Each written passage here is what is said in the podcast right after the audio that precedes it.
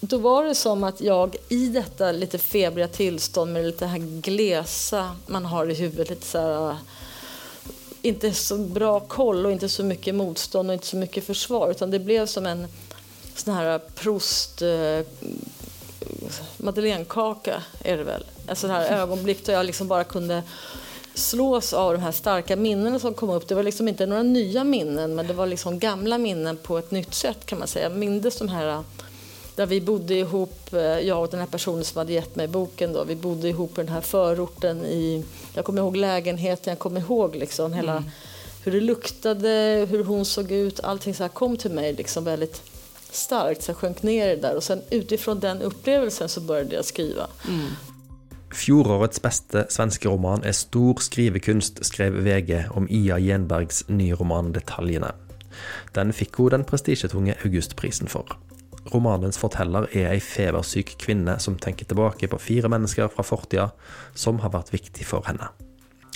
Detaljene beveger seg fra 1990-tallets Stockholm via København til havnebyen Galway i Irland, og den tar òg faktisk en snartur innom Stavanger. Og det gjorde Ia Gjenberg i 2023 òg, hun var gjest på Kapittelfestivalen. Hør samtalen hun hadde med Heidi Marie Westerheim. Ja. Ja, Ia Gjenberg, jeg har gledet meg veldig til å treffe deg. Og du sa akkurat at det var så deilig å være i Norge. Ja. Hvorfor det? Jag vet inte, men alla det kan låta lite inställsamt. Men ni är mycket trevligare.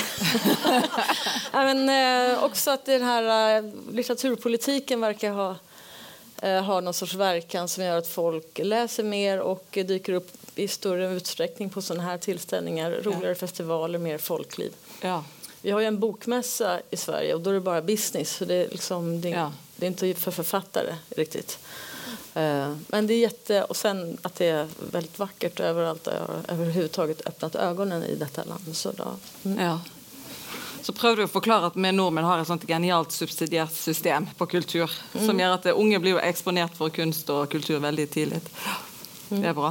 Men du får en ære at du er altså prisvinnende forfatter som har skrevet den her Nå må jeg ville bare kartlegge, Er det mange som har lest den utrolige vakre boken? Ja. Ok, Men det som ikke har lest, og det trenger ikke å få panikk, for vi skal bare snakke sånn generelt og eksistensielt om livet. Ja, du får du bestemme. Mm. For en blir eh, litt eksistensiell og ganske generell eh, eh, av å lese den her. Jeg synes Det er en helt sånn fantastisk bok. altså det var virkelig helt sånn Og nå hadde jo jeg mine glansdager på 90-tallet, det skal sies. Altså, eh, men det er likevel en måte du skriver på her. At, at, det går an å skrive så generelt om detaljene. Hva, hva, gjorde at du klarte å skrive den boken på den måten? Mm. Eh, hva mener du med generelt om detaljene? jo, men at livet er, så, livet er såpass stort når du begynner å tenke på det, at det er nesten vanskelig å liksom mm. uh, smale det ned. Da. Men da har du på en måte klart å skrive om noe så stort och generellt som livet så pass mm. detaljerat. Ja, nej, men jag tänker generellt att livet inte är så himla stort utan det du har är ju bara det här, det som du har framför dig exakt just nu. Resten är ju liksom någon sorts överbyggnad. Så att om man liksom fokuserar på det som är just här och nu så blir det ju ändå ganska hanterbart. Eh, ändå. Och jag försöker ju då eh, nagla fast det som är... Och då blir det ju liksom ganska detaljerat om man bara försöker fånga det som är just nu och här. Mm. Att man också... Äh, det blev liksom som någonting som steg... Som blev, när jag, försökte, jag försökte liksom skriva djupt om enkla saker. Och tänkte så här, jag läste någon bok som egentligen var upprinnelse till det här. Eh, en bok eh, av en författare, författare som jag egentligen tycker om men som jag, han skrev väldigt generellt och han bytte liksom rad hela tiden, byt, gjorde ett nytt stycke och skrev någonting och så ett nytt stycke och så skrev något annat och då blev jag väldigt irriterad. Och då så tänkte jag så här, vad är tvärtom mot det här? Vad är, hur är det att skriva tvärtom mot det här? Vad kan det vara? Uh, så då provar jag att skriv, skriva på det sättet helt mm. enkelt. Uh, De motsatta av generellt. Ja, men mm att jag skrev liksom, kan jag skriva en sida till om städning Utan Städning, Att, städning till exempel eller olika saker. Kan jag skriva Ja. ännu mer? Kan jag fördjupa det här på något? Kan jag liksom göra det här ännu tydligare? Mm. Eh, utan att det blir tråkigt eller att jag upprepar mig. Någonting. Så det var som en hållning att jag skulle liksom stanna kvar i varje Mm. grej som jag var på. Liksom. Mm. Og det jo veldig, veldig vakkert. Du, da starter jo med en sånn febersjuk person. Jeg fortelleren, jeg forte beretteren. Förtällaren, jag fattar. Om, om, om jag ska prata svenska så blir det Skaune. Nej, men du får Gör- prata hur ja. du vill. Bara, liksom, mm. Men dette her er en eh, eh, jeg-forteller som ligger og er så febersjuk under covid, og finner eh, ei bok som eh, plutselig slår tilbake igjen, eller minnene blir satt i eh, aktivitet. Mm. Og det er jo noe sånn deilig i livet. Hvordan kjenner du det når du liksom bare lukter et eller annet, eller ser et eller annet, så bare boff, så er det tilbake. Som du går inn i en tidsmaskin. Mm. Eh, Men det var lite så som jag började skriva boken. Det var, det var på det sättet som boken liksom kom till mig, eller startade. Jag skrev egentligen någon annan bok. Eh, Men så vi hade jag covid då under den här första våren 2020 som ni kanske kommer ihåg, det här viruset. Eh, Och, Men du var før eller etter vaksine, liksom? Var du sånn Var du på sånn hardcore covid, eller var det, Ja, det var etter du hardcore. fått vaksine? nej, men, nej, nej, det, var ingen, det fanns inga vaccin Nej. eller någonting. Och du det var, liksom första. first generation covid. First generation, ja. Då, då var man ju Respekt. sjuk på riktigt. Ja. Eh, jag hade ju feber i tre veckor. Ja, och, du vet, och folk låg, det var så mycket i Sverige. Alltså det, allting han, ni kommer ju ihåg själva hur det var. Og det håndterte jo da så annerledes enn Norge.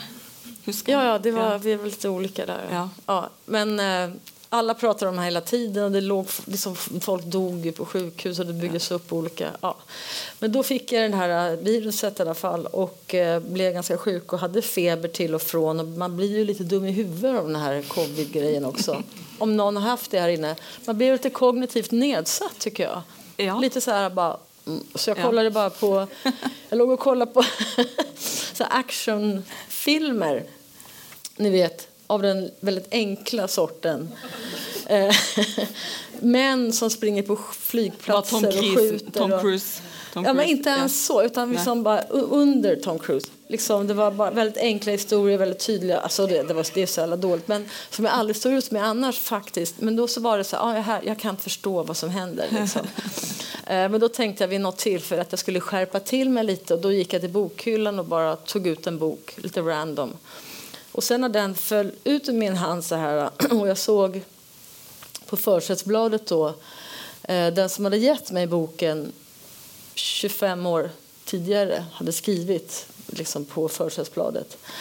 Eh, och eh, då var det som att jag i detta lite febriga tillstånd med lite här glesa man har i huvudet, lite så här, inte så bra koll och inte så mycket motstånd och inte så mycket försvar utan det blev som en sån här prost... eh, madeleinekaka är det väl. En sån här ögonblick då jag liksom bara kunde slås av de här starka minnena som kom upp. Det var liksom inte några nya minnen men det var liksom gamla minnen på ett nytt sätt kan man säga. Jag mindes de här där vi bodde ihop, eh, jag och den här personen som hade gett mig boken då. Vi bodde ihop i den här förorten i, jag kommer ihåg lägenheten, jag kommer ihåg liksom hela hur det luktade, hur hon såg ut, allting så här kom till mig liksom väldigt starkt, så jag sjönk ner i det där och sen utifrån den upplevelsen så började jag skriva bara, för jag hade bara den känslan liksom att det var liksom en speciell ton på något sätt i det där så försökte jag liksom hålla den här tonen sen när jag fortsatte skriva. Var... Men når du da begynner å skrive ei, ei bok i feberrus, Mm. eh, er det noe sånn eh, at da setter du deg ned og liksom bare skriver og skriver og skriver historien til du er ferdig, eller hvor lang tid bruker du da? Nej, men jag började skriva och då skrev jag den första den första berättelsen som heter Johanna och det är fyra porträtt i den här boken. Så då skrev jag den första. Jag visste inte vad det... Jag gillade liksom sättet som jag skrev på, gillade själva grejen med ett porträtt men jag hade ingen aning om vad det var för någonting som jag skrev. Det är väldigt ofta man inte vet vad man håller på med. Ja. Nej, men det är väldigt ofta som det är väldigt oklart. Eh, å ha li- feber engang, det er bare livet. Ja, Ja. ja. precis. Det är lite så att det är svårt att ha kontroll. Och man vet inte riktigt. Man får liksom lita på att... Alltså jag, det finns, hela min dator är full av jättemånga konstiga början på någonting som jag inte vet vad det är. Det är, det är så man jobbar lite grann. Eh, Så då tänkte jag så här, men det här var kul, jag får väl kanske jag tänkte det kanske ingår i någon större roman eller jag får se, eller jag kanske bygger ut det till någonting eller ja, sådär. Så då började, fortsatte jag att skriva på det här andra som jag skrev på. Men sen fick jag liksom ett liknande minne eller liksom en känsla av att det här med att tappa bort folk på 90-talet mm. eller slutet på 80-talet. Och då skrev jag den andra eh, som heter eh, Nicky. Mm. Eh, då skrev jag det andra porträttet och då var det samma ton och då upptäckte jag också att det var samma berättare, eh, mm. samma förtällare som skrev de här två. Och då kände jag liksom, ja men det här kanske är någon, de här hör väl ihop och ja du vet. Att du märker att det då inte kanske var en novellesamling men en Ja, roman. och då, då, då, visade jag det för min förläggare och då sa han skriv några till och så, är mm. det, så har vi en roman. Då gjorde han mycket sånt här. Mm. Så det här tecknet gjorde han mycket när vi pratade. och det betyder att det här, få ihop det här nu. Jag märker jag gjorde det lite vi... så, när jag skulle förklara boken. Tillfälligheterna. vi ska få ihop det här. Uh, för, och han sa så här, han, han, han svär väldigt sällan, men han sa så här, ingen jävla novellsamling. Så att det ska vara, han ville, han ville att det skulle ja. vara en roman som satt ihop. Ja. Men den bevegelsen har du mästrat helt fabelaktig. Mm -hmm. Det er virkelig vakkert. Og en føler jo at en blir eh, bedre kjent med beretteren ettersom du får lest alle fire mm. historiene. Vi kan gå litt eh, Du sa det allerede, det er jo eh, først Johanna. Som er den der liksom første forelskelsen. Litt naive og, med, og, ganske sånn lesbisk oppførsel. At du bare flytter sammen etter ei uke. Helsing lesbisk. Altså det er veldig typisk. Jeg tror ikke heterofile driver på sånn. Gjør de det? Ingen som vil si dere om heterofil oppførsel eller lesbisk oppførsel. Homofile flytter nesten aldri sammen, men homofile menn. Men i hvert fall, eh, de flytter sammen veldig kjapt. Men de har vel liksom en annen Ja, skitsamma. Vi tar det. Ja. Jo, hva, homofile menn. La oss nå eh, snakke om homofile menn. På deres vegne. Mm. De har, jeg er alltid litt misunnelig på homofile menn. Mm. For de har liksom så masse frihet, men samtidig litt ja, Det var en annen diskusjon. eh, sett noen homofile menn som føler at vi snakker på deres Det ingen homofile Og tenk så vakkert hvis en mann på 70 hadde kommet ut av skapet nå for første gang i livet. På Kapittelfestivalen. Eh, Johanna, som er den her første liksom, naive forelskelsen til sånn du er 20 år gammel. Mm ja, 20, lite äldre, 27 kanske. Ja, 27 mm. ja. Mm. Eh, og så har du Nikki, som er den der litt eh, galne personen som eh, ikke fikk ni noen diagnose på 90-tallet. Vi skal gå litt mer inn på hver enkelt. Og så har du Alejandro, Alejandro som er den der eksentriske, crazy eh, musikk-, kunst-, kulturliv-typen. Og til slutt Birgitte, som er mammaen til fortelleren. Mm. Eh, for å ta Johanna først, og Den historien tok jo meg veldig tilbake igjen til. Mm. Eh, euforisk förälskelse på 90-talet. Du känner, jag vet hur det var? Ja. Mm. Fortell lite vad du tänkte. eh, nej, men jag ville skriva om en sån... Eh, liksom, det var liksom lite grann så det var utifrån den upplevelse som jag nyss berättade om. Även om det handlar att det är litteratur också påhittat. Eh, men att man har en stark känsla för någon som är också att man går naivt går in i någonting och tänker att det här är för alltid. Mm. Och att man tror det. så jävla kort. Men liksom att man på riktigt tror det. Att jag kommer ihåg så här, det här är för alltid. Ja. Och jag var så säker på det. Uh, och det kunde man inte, jag behövde inte ens berätta det för andra människor. Det var liksom helt givet att det var så på något sätt. Jag, jag, inte, jag ville inte, kunde inte liksom, att man inte ifrågasatte det. Men det var bara så som det var. Mm. Och jag vet ju, ganska många har ju haft den typen av, eller liksom kommit till mig och säger att de har haft den typen av relationer också. Men grejen är att man bara har det en gång. För sen mm. givetvis så tar det slut och då inser jag att man kan inte man kan liksom inte anbefalla evigheten på sådär, ha den på kommando bara. Utan eh, det är inte så det funkar. Mm. Eh, men en sån relation är rätt speciell och man har ju, det liksom blir en så speciell eh, og så kontakt. Liksom. unner jo alle å være liksom, Nå er hun 27, ganske voksen, eh, men jeg unner jo alle å ha den der helt sånn litt sånn naive, herlige, ukompliserte, bare hengi seg til forelskelsen som ja, som du sier, som bare kommer én gang. Det er akkurat som første gangen du også blir helt sånn mindblown på konsert. Og så går du på konsert når du er liksom 65 og tenker ja, her står de og spiller, og jeg skal hjem og legge meg etterpå. Det är lite tråkigt. om Ja, men ja, Er det tråkigt, eller er det bare at en Ja. er liksom tuner inn annerledes? Det, da syns du er ganske god på å skrive om at en tuner seg jo litt inn på livet med ulik energi. da. Men det är också ett sätt att man, om man har hela tiden, om man tänker så här, det här är för evigt, då har man ju liksom, det också finns någonting bra med att veta att det här är, det här jag har nu är kanon just nu. Sen får man se. Mm. Det är som att ha hälsan eller vad som helst. Det är fint just nu, men det är inte för evigt. Man vet det. Det, är också, det kan också som upp, medföra stark närvaro, tänker jag. Att man vet att saker är förgängliga. Mm. Men man tänker ju inte heller att den här fantastiska människan ska lämna en heller. Och bli jätte, att det ska bli jättejobbigt liksom. Nei, En har jo kanskje ikke opplevd å bli forlatt før, så hvordan i all verden skal en vite at det er grusomt? Det er godt en ikke vet, sier jeg bare. Alt som skal skje.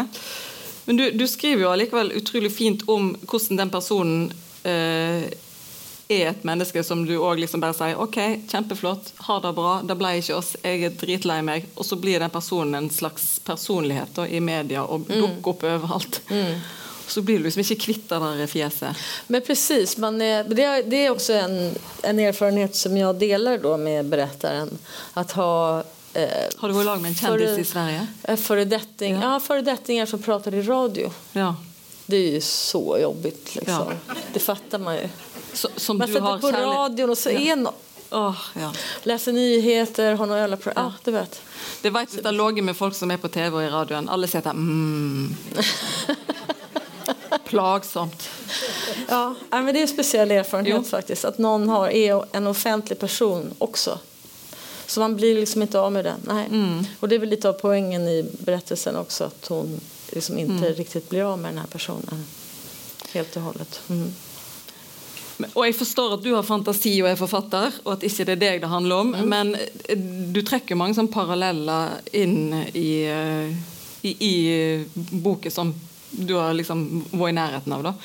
Men det er jo litt deilig å kunne shoppe liksom, fyre personligheter som er ganske sånn digg å skrive om. Så hva som gjorde at du falt på liksom disse fire? Eh, det är lite oklart för mig, men de dök upp liksom. Kan man säga.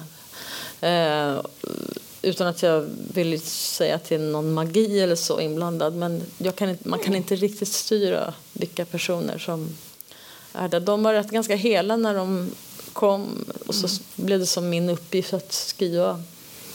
Jag hittade liksom inte på dem, utan de uppstod. Men det er mange forfattere som sier det. At det var ikke jeg som kom på det, det var liksom Ja. forfatteren, da, uten å bli helt schizofren, da. Men Mm. Ja, men jag tror att eh, man, får bara, liksom, man får bara ta att det är så.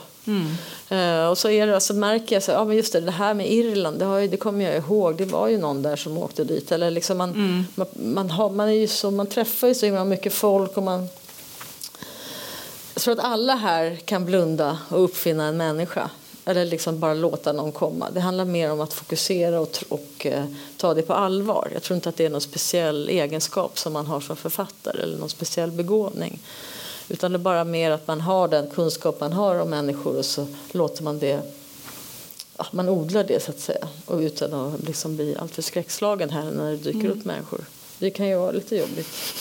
at du blir redd for deg som du Ja, ja, man blir lite... lite ja, Å, vad precis. jobbigt, nå måste jeg berette om den her. Så.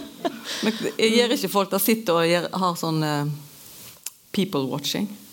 Det er jo noe av det det noen som gjør det? Sitter og ser en person gå forbi en som har sånn Du har rosa hatt og stresskoffert. Hva, hva har skjedd i ditt liv i Ja, ja, precis. Og så kan jeg bare bygge videre. Det är ju nästan det bästa som finns att göra. Ja. Alltså att titta på folk. Ja. Gjøre det, da? Ja, det Altså, er det- så viktig. Ja. Det är oerhört viktigt att sitta och titta på folk. Jag tror att det är lite dåligt med mobiltelefonerna. skulle til å där. si det. Er Eh, For da, da kommer vi inn på et tema som jeg synes det, vi skal, eh, Johanne er jo liksom den der, og hun er veldig sånn intellektuell. De er, forfa- hun, de begge to liksom det er den gode samtalen. De er veldig sånn De er så fri. For jeg, jeg merker når jeg leser dette, her, så bare Ja, de hadde jo faen meg ikke mobiltelefon. Eller internett. De var bare De las og las og snakket med hverandre.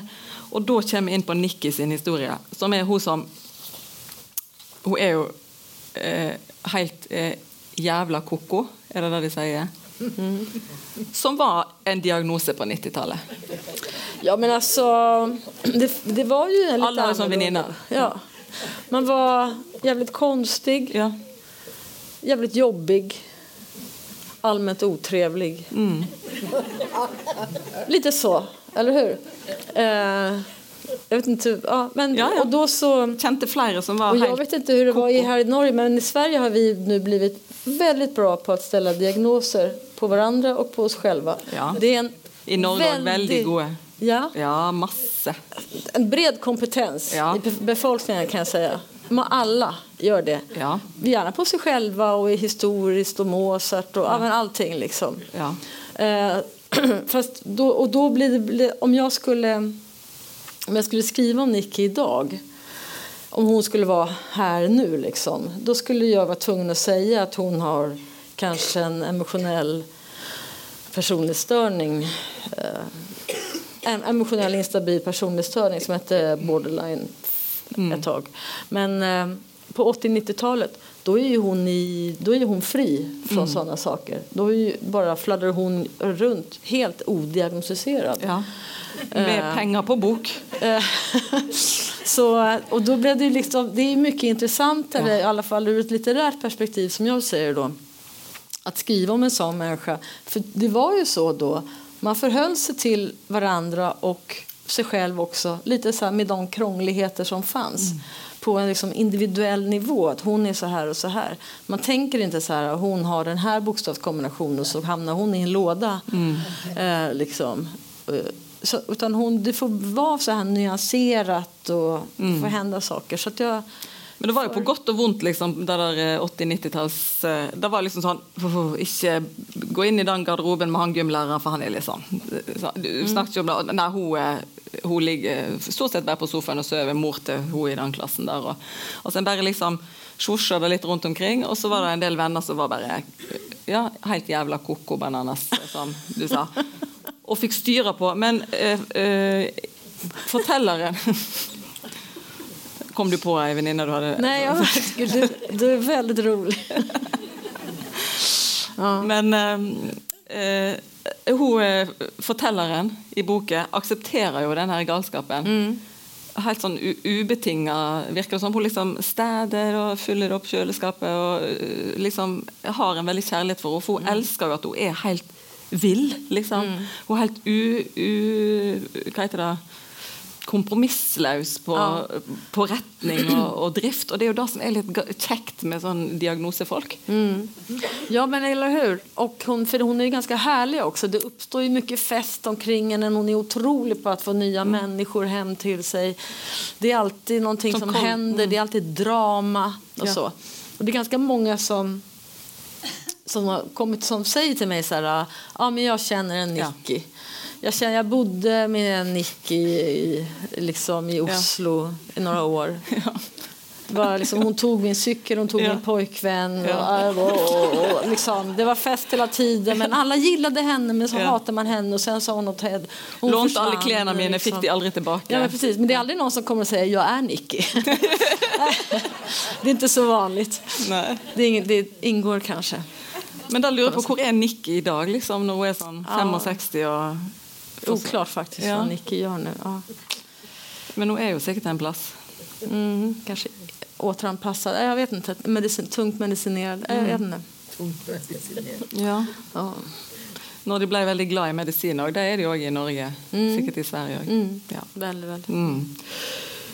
Men det som er herlig eh, som sagt, det er jo, og du, du har sånn nydelige sånn kulturelle referanser til å se på Wild at Heart. Sånn, eh, altså, sånne ting som skjedde på 90-tallet. Så var sånn, og filmer om sånn sprø folk var helt, Det var liksom kult, da. Folk som var helt sprø. Kjempekult. Liksom, så litt opp til det. på en måte. Og så har du den her med å, å, å, bare, å, å bare forsvinne og ikke få tak i folk igjen. Altså, du, du refererer til telefonkataloger, og det er skriving av telefonnummer på gule Post-It-lapper som henger rundt omkring. Kom vinden den dagen, så var det forbi, liksom. Så är det. Så var det. Ja. Men hvordan eh, Jeg har egentlig ikke et spørsmål, men jeg vil at du skal fortelle om hvordan Okej. det er å forsvinne. Ja. Eh, alltså det finns ju det finns ju jättemycket. Jag är absolut inte teknikfientlig eller jag tycker inte var bättre förr eller någonting sånt där. Men ur en litterär synvinkel, om man ska skriva om en tid eller så, då är det för mig mycket mer intressant att skriva om en tid där folk liksom när man förhåller sig så här äh, analogt till varandra. Liksom, vi sitter här och pratar, jag säger något här, jag är här med min kropp. Du lyssnar och svarar i nuet. Och att vi sitter och har ett samtal. Eller att man ser något gemensamt, man läser en bok, man har liksom en konversation eller så. Eh, och att man kan liksom tappa bort varandra. Man, du åker någonstans så hör inte av dig, vad tog du vägen? Och sen har jag flyttat när du kommer hem, då får inte du kontakt med mig. Så förlorar vi kontakten. Och Att det finns den risken hela tiden. Jag kommer ihåg min mamma, alltså jag, hade, jag åkte iväg och reste väldigt mycket i Asien. Eh, Och då var dealen så här med min morsa att jag skulle, ring, jag skulle ringa en gång i månaden. Ja, det er fantastisk. Alltså nu, jag aldrig gå tre barn lov å ringe én gang i måneden. 16-åringer nede på Chans, byen. liksom. Der går du, ri- trenger ikke ringe. Nej, men nu får jag ett meddelande direkt om någon, något barn är försenat till skolan. Så får jag ping, ping, så kommer det att liksom meddela att de är försenade. Så, så det är ju intressantare, eh, tycker jag, ur en litterär synvinkel att skriva om eh, än någon som, som uppdaterar i sitt Instagramflöde. För det, jag kan inte skriva om det i alla fall. Men jag vill ha det här, kött, det finns något analogt och köttigt med det där. För 90-talet var ju liksom eh, modernt men inte digitalt. Så vi har allt vi har det nu min, minus de här jävla telefonerna. Eh, för de är liksom inte bra i, eh, i... Jag kan inte få in dem liksom i litteratur på något sätt. I alla fall inte i den här boken. Så, så på det sättet. Så jag tycker det var intressant. Det är intressant att skriva om relationer när relationer är analoga, helt enkelt. Jag. Det er jo veldig mange bøker som er enten er det sånn her middelalder med sverd, og du kaster stein på folk for å få kontakt. Eller så er det jo eh, i barne- og ungdomslitteratur at du bare liksom ikke Du bare lager et univers som er enten helt sånn science fiction, og du liksom gjør masse rare ting. Men, men å, å skrive mobiltelefon inn i litteratur er Det är krøkete. svårt. Mm. För det ändras också hela tiden. Man kan ju inte Det blir så fort någon, någon app, om jag skriver om någon app nu, den är kanske inte, när boken kommer ut är det Nej. inte en som kommer ihåg vad det var för app. Liksom. Så satt det- hjemme og så på tekst-TV. Plutselig hørte jeg en lyd.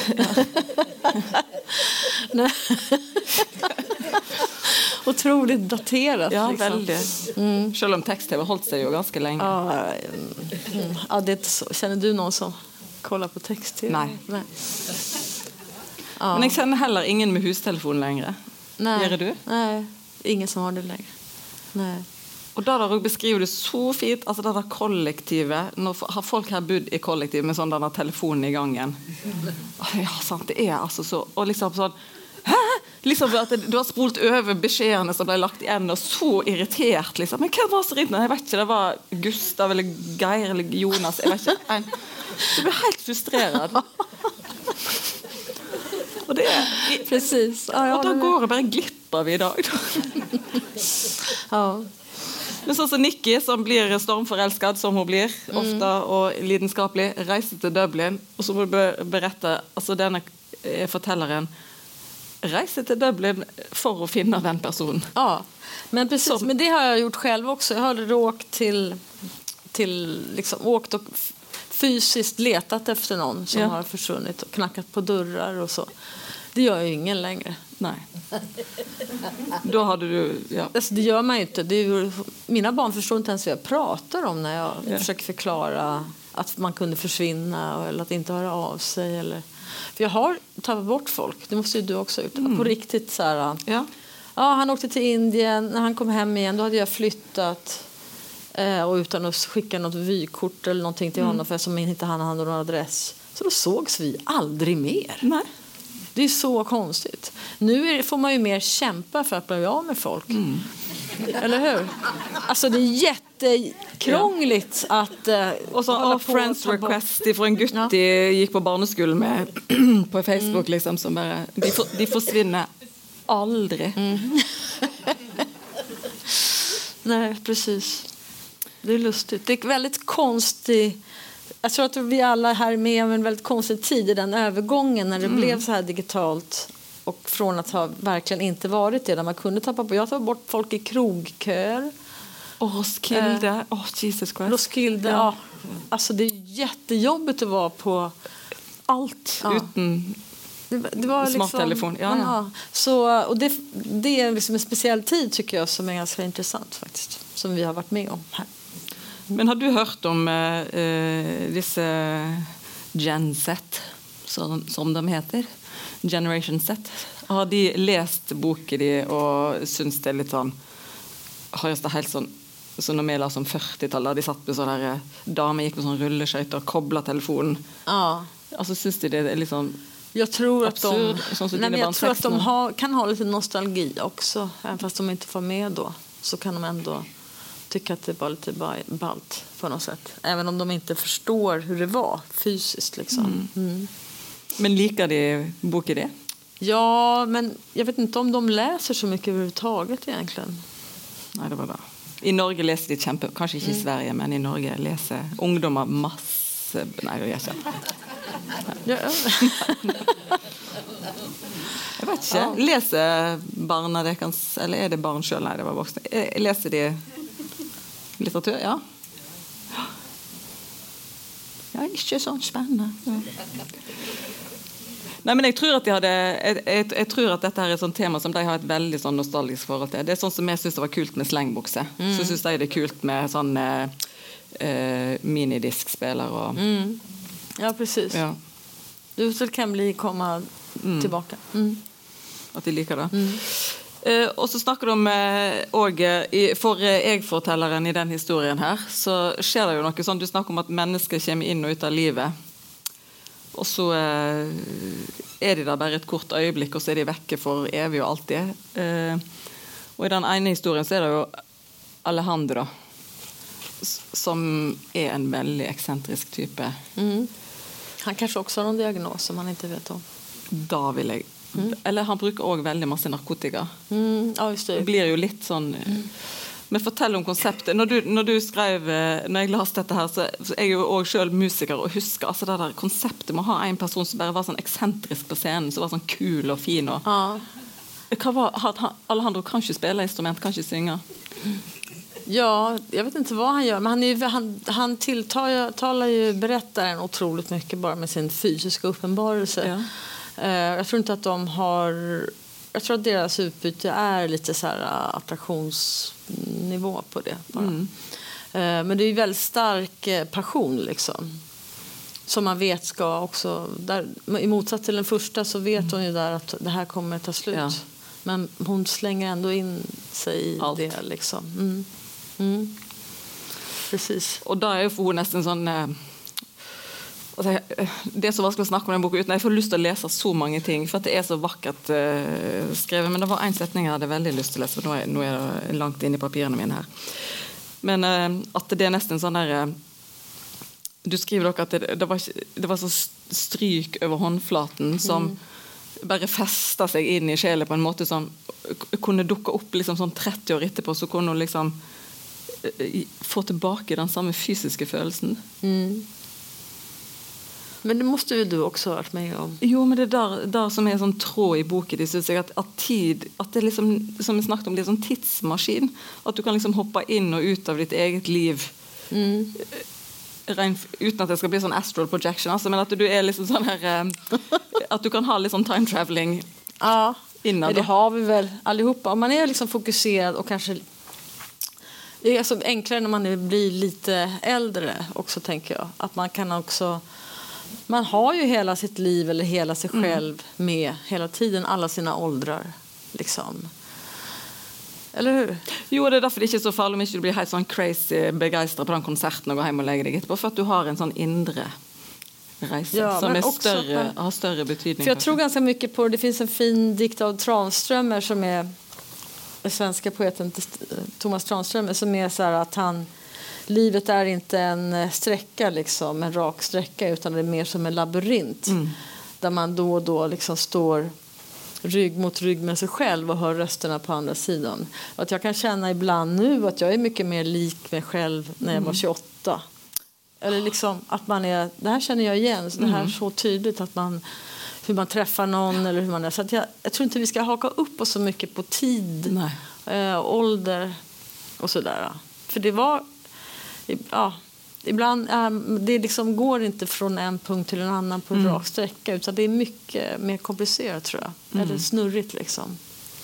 Og når du leser boken i detaljene, så, så kommer en inn i den der eh, det evighetshjulet på en utrolig utrolig fin måte. Det er så ekstremt god opplevelse å lese boken din. At en går liksom litt inn og ut av det der eh, tidshjulet. Og òg en sånn et litt sånn gjennomgående tema, føler jeg, i alle liksom, de ulike historiene. Det er jo den der eh, Litt sånn som sliding doors. Altså tilfeldighetene. Hva hvis jeg hadde eh, tatt et annet valg, eller sånn alternative virkeligheter som liksom dukker opp. Da. Det Mm. er veldig fascinerende. Har du noen sånne i ditt liv da du bare tenker herregud, jeg kunne jo ha Ja, men jag har så här en del relationer som är gud, tänk om jag hade stannat Ja. i den relationen. Så då har jag liksom en, ett alternativt eh, Scenario. Ett, ett alternativ mig själv som jag ibland liksom kan skymta så här i ögonvrån liksom. En otroligt alkoholiserad överviktig person som som hänger kvar i här gamla åh, fruktansvärt dysfunktionell relation. Där man, alltså, då hade jag inte pluggat, alltså jag hade inte gjort någonting. Bara var kvar. Alltså, då, och man kan bli lite rädd, fast, för det är, ju- men det är ju bara hittepå. Hon kanske varit mycket lyckligare än vad jag är nu. Men det finns också något men man får ändå tro att man är sitt bästa jag. Liksom, ändå. Alltså, Ja. Det går inte riktigt att tänka så där. Nei, men da Eller- kommer det inn i liksom Da er det den- bare det meninger, eller er det tilfeldigheter? Det er jo den der evige runddansen om Det er jo sånn, Hvordan er det som menneske òg, om en velger å tro at det var et sånt bevisst valg, eller om det var tilfeldighetene. Men kanskje et sånn party tricks neste gang. Snakk om sånn positive, alternative sliding doors. Altså sånn åh, takk og pris for at jeg er her i dag. At ikke jeg gjorde ditten eller datten.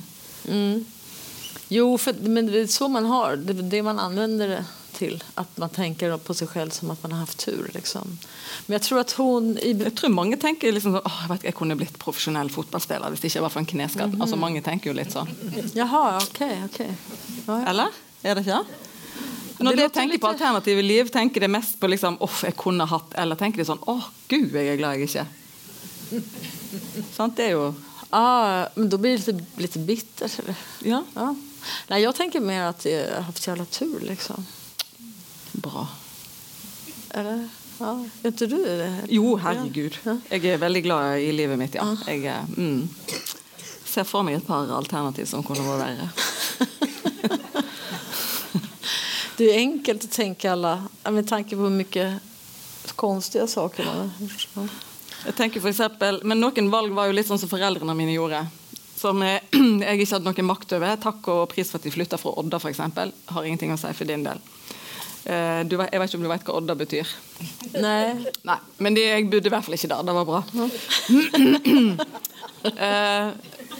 Men noen ting er jo sånn valg foreldre tar over barnet sitt. Og da kommer vi inn på eh, siste person, som er Birgitte, som er altså mor til jeg-fortelleren.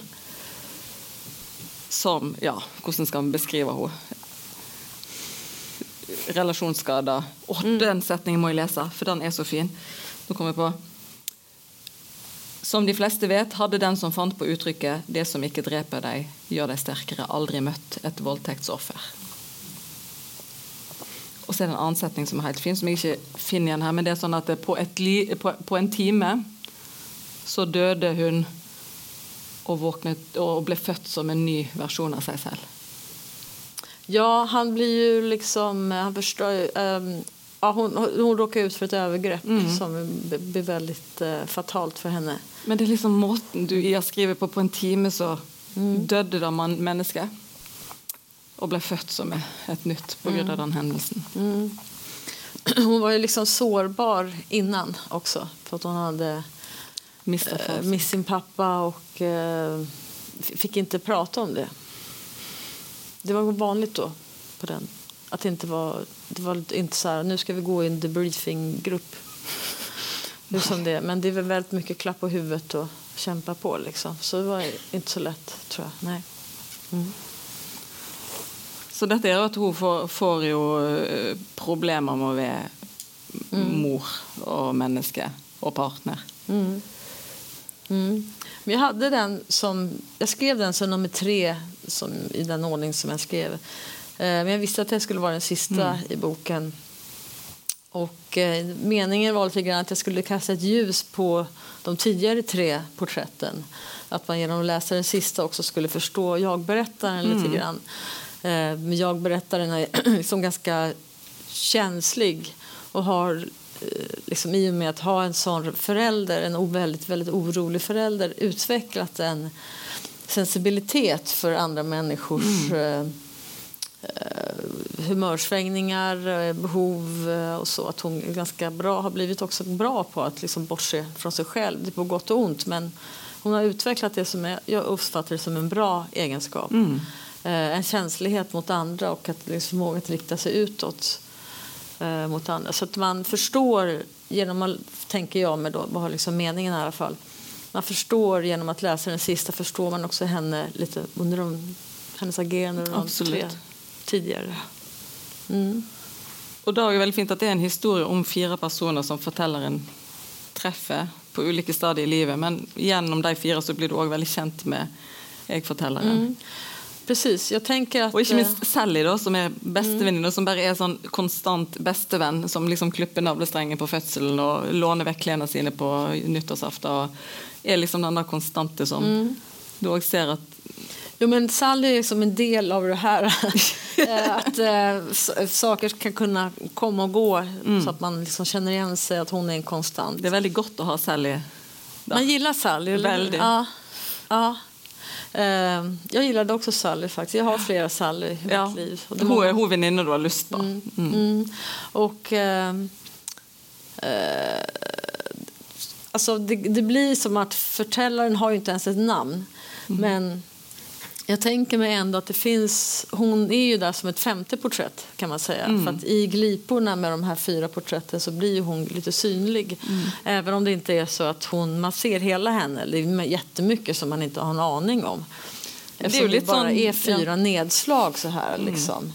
Eh, Men att hon ändå framträder där. Och det är kanske så också, tänker jag, som vi lever och som vi berättar om oss själva. Jag menar, om, du, om vi skulle gå ut efter det här och du, du skulle prata om dig själv. Då skulle du inte kanske börja från början och sen berätta la, la, la, la, la, utan du skulle berätta lite här och lite i där. Odda, og så Nei. Nej, men du skulle ju berätta att igår så hände det här och det här. Eller ett barn till mig gjorde det här och det här. Liksom, man skulle få de här bitarna och sen pussla ihop det själv. Och det är lite så vi berättar tänker jag om varandra och om oss själva. Om jag skulle berätta om min äldsta son så kanske jag skulle säga så här, ja, men han, eh, just nu så röker han marijuana, det är lite jobbigt. Men för fyra år sedan då var han med i VM i Rubiks kub, det var ju jättekonstigt. Och sen skulle jag berätta något annat och sen skulle jag kanske berätta att han har en tvillingsyster och hur han föddes för tidigt. Och, alltså, så att det behöver inte vara kronologiskt, det behöver inte ens sitta ihop.